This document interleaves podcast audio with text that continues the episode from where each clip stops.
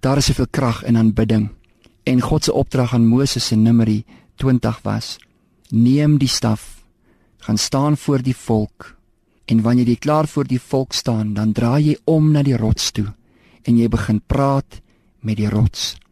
Ons almal weet die uiteinde van die saak was dat Moses die rots twee keer geslaan het. Maar die opdrag van God was eintlik om met die rots te praat. Hier is 'n vorm van aanbidding.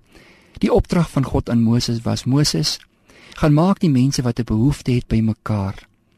Bring hulle na die rots toe, maar laat hulle aanskou hoe die rots die water gee op sy tyd en dat elkeen gevoed kan word deur die waters van God, die lewende strome uit die troonkamer van God wanneer jy kom en met my die rots Christus kom praat. En in die verhouding wat ek met jou het Moses, in daai verhouding sal almal wat 'n behoefte ook het, gevoed word. Jou aanbidding is so belangrik voor God en soms in 'n poging om alles te probeer regmaak en almal te probeer red en elkeen te probeer genees. Wil jy nie net in 'n oomblik jou aanbidding tot God rig nie? Wil jy nie net in hierdie oomblik jou hart onverdeeld op hom rig en stil word en hom erken as God in jou lewe?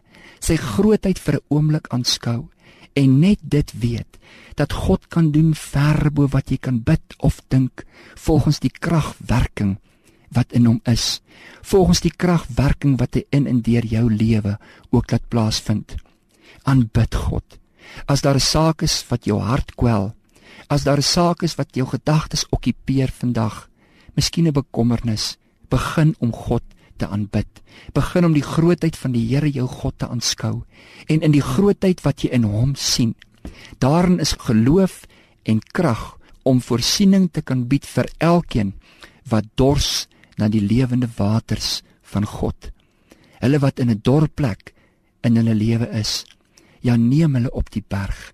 Leer hulle om God te aanbid.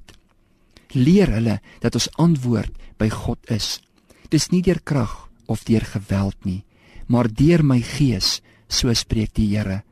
En daarom is dit belangrik dat ons weet ons pogings van aanbidding is een oplossing van God om in hierdie aarde te kan werk, vir God om inspraak in ons lewens en ook in ander se lewens te kan toon. Die tweede aspek is wanneer ons in aanbidding voor God staan om te luister en dan te gaan doen en nie ons opvatting of ons afleiding daartoe by te voeg nie, maar net dit wat God vir jou in hierdie oomblik en in hierdie dag sê. Dit is dit wat gehoorsaamheid van jou in my verg. Dit is juis dit wat ons gaan doen. En in die doen van dit wat ons by God ontvang, bewys ons juis ons gehoorsaamheid. En so sal God dan ook sien wat ons liefde vir hom is, hoe ons onsself aan hom onderdanig gestel het en onderwerp het.